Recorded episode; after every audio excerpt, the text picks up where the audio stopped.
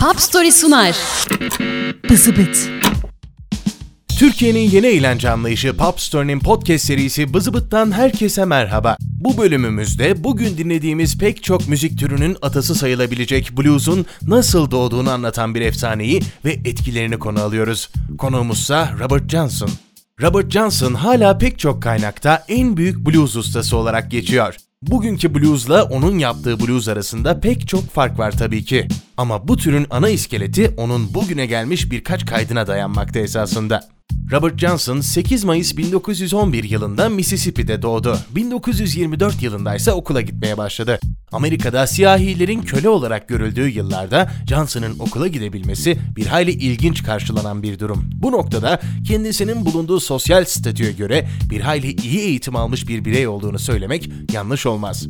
Okul yıllarında kendisini tanıdığını söyleyen Willie Coffey adlı arkadaşı, Johnson'ın o yıllarda mızıka ve ağız kopuzu çaldığını söylüyor. Müzikle tanışması büyük ihtimalle bu iki enstrümanlı oldu. 1927 yılında okulu biten Johnson, kayıtlara göre 1929 yılında bir evlilik yaptı. Evlendikten çok kısa bir süre sonra ise eşi doğum sırasında hayatını kaybetti.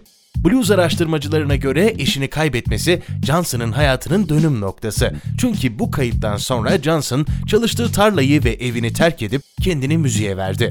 O yıllarda adı blues olmasa da blues'un temellerini atan başka müzik türleri ve bu müzik türlerini icra eden müzisyenler Amerika'da mevcuttu. Bunlardan biri Sun House, 20'lerin sonu 30'ların başı gibi Robinsonville'e taşınmıştı ki bu Johnson'ın yaşadığı yere bir hayli yakındı. Birkaç kez Johnson'la bir araya gelmişliği de var House'un. Kendisine sorulduğunda ise Johnson'dan şu kötü gitar çalan çocuk diye bahsediyor. Johnson House'tan alabildiğini aldı ve buradan ayrılıp başka bir gitarist olan Zimmerman'ın yanına gitti. Zimmerman o dönem halk arasında değişik hikayelerle anılan bir müzisyendi. Efsaneye göre Zimmerman bazı akşamlar mezarlığa gidip ölülerle konuşarak onlardan yeni melodiler öğreniyordu.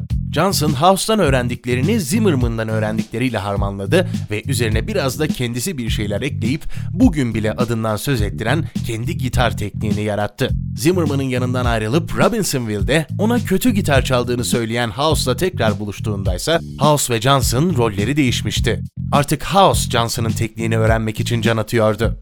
Johnson tekniğini iyice ileri seviyeye getirdiğinde yıl 1932 idi ve Johnson 1936'ya kadar Mississippi ve Memphis arasında yolculuk edip müzik yaparak geçirdi hayatını. 1936'ya kadar hiçbir kayda bulunmayan Johnson da efsanelerle anılan bir müzisyen olmaya başlamıştı artık. Bu efsanelerin en bilineni ise ruhunu şeytana satma hikayesi. Efsane şöyle. Robert Johnson tarlada çalıştığı bir günün akşamı evine gitti ama bir türlü uyuyamadı. Yatakta dönüp durmaktan sıkılmış olsa gerek dışarı çıkıp hava almaya karar verdi. Uykusunun tutmama sebebi ise hep hayalini kurduğu bir gitardı. Eline geçen 3 kuruş para bir gitar almasına yetmiyordu ama Johnson bir gitarının olmasını büyük bir tutkuyla istiyordu. Bunu düşünüp yürürken bir kavşağa denk geldi. Yönünü değiştirdiğinde ise karşısına şeytan çıktı. Şeytanın elinde bir gitar vardı ve bu gitarı akord ediyordu. Şeytan Johnson'a dönüp şöyle dedi. Gitar çalmak istediğini duydum. Johnson başıyla onayladı bunu. Şeytan devam etti. Sana bir gitar ve eşsiz bir gitar çalma yeteneği bahşedebilirim. Ama bunun bir bedeli olacak. Johnson ne olduğunu sordu bu bedelin. Şeytan bu hediyelerin karşılığında Johnson'ın ruhunu istiyordu. Johnson bu anlaşmayı kabul etti. Böylece ruhunu şeytana sattı ve karşılığında gitarını ve bu gitarı çalacak yeteneğini aldı. İşte efsaneye göre blues böyle var oldu. Pek çok blues şarkısında geçen Sold My Soul to the Devil kalıbının kaynağı da bu hikaye. Aynı zamanda bu kalıp blues'un şeytanın müziği olarak anılmasındaki en büyük etken.